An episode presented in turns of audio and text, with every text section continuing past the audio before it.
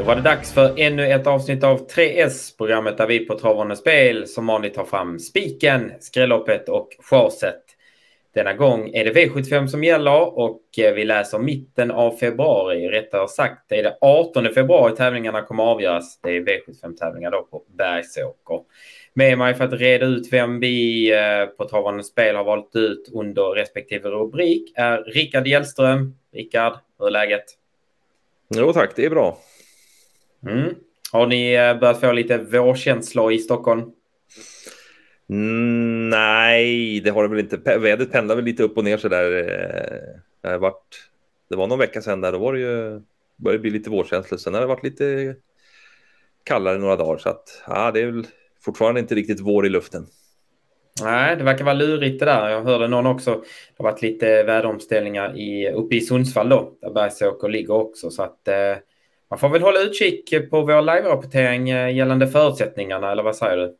Det tycker jag. Kika in där på lördag. Eh, från klockan ett så drar live-rapporteringen igång där, så det är alltid värt att hålla en koll på senaste nytt. Yes. Men eh, innan vi kommer till live-rapporteringen så har vi som sagt ett tres att bjuda på.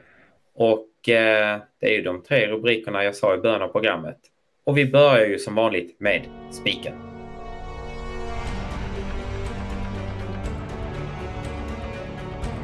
Spiken, då vet jag att vi ska gå till slutet av kupongen, rättare sagt V75 6.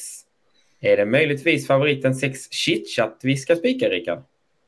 Nej, det är det inte. Vi har hittat en bättre spik här, eh, såklart, i form av nummer fyra High On Pepper. En eh, häst som ju har, eh, han eh, tävlar lite eh, under årgångstoppen där, men inte så långt efter där i fjol. Och, så att eh, det finns bra kunnande i den här hästen. Nu gjorde han ju årsdebut här nyligen då och eh, det löste han ju på bästa sätt.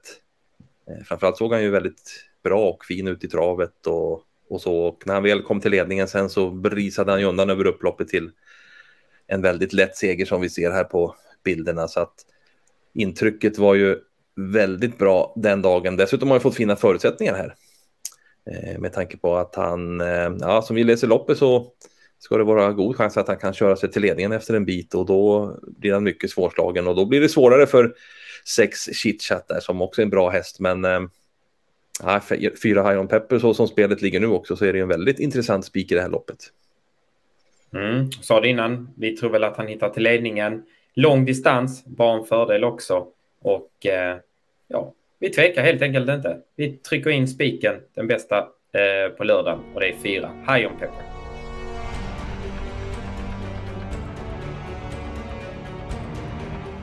Skrällopp, då är vi faktiskt för eh, omväxlingens skull inte i ett eh, storlopp, utan vi ska gå till kallblodsrasen. Rättare sagt V75 3. Eh, Rickard, eh, hur tänker vi här?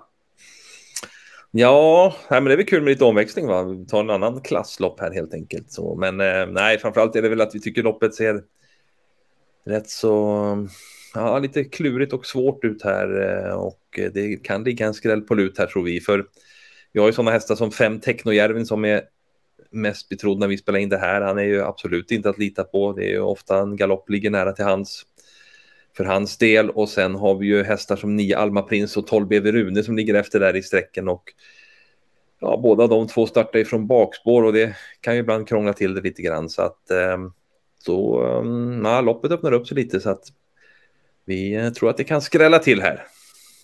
Ja, och eh, du har ju nämnt de mer betrodda. Ska vi nämna någon som inte är betrodd? För det är väl det vi kanske vill bjuda på i ett skrällopp.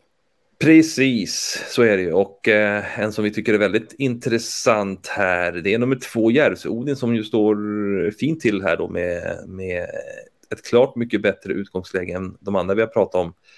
Hästen är också väldigt snabb bakom bilen och eh, kan, ja, är nog den som kan ta ledningen här inledningsvis i alla fall och sitta bra på det i loppet.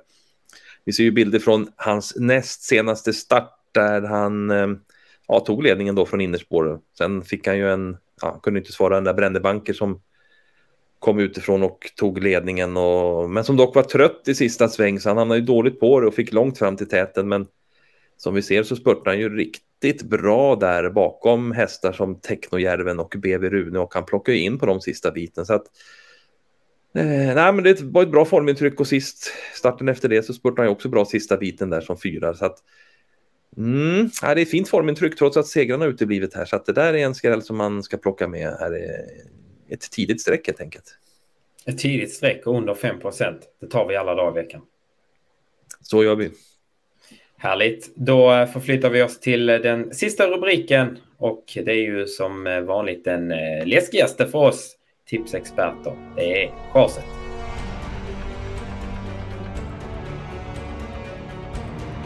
Chaset, då ska vi ha en betrodd häst som vi inte tror lika mycket på och som vi, ja den här gången lämnar vi faktiskt den utanför systemet. Så mycket kan vi avslöja.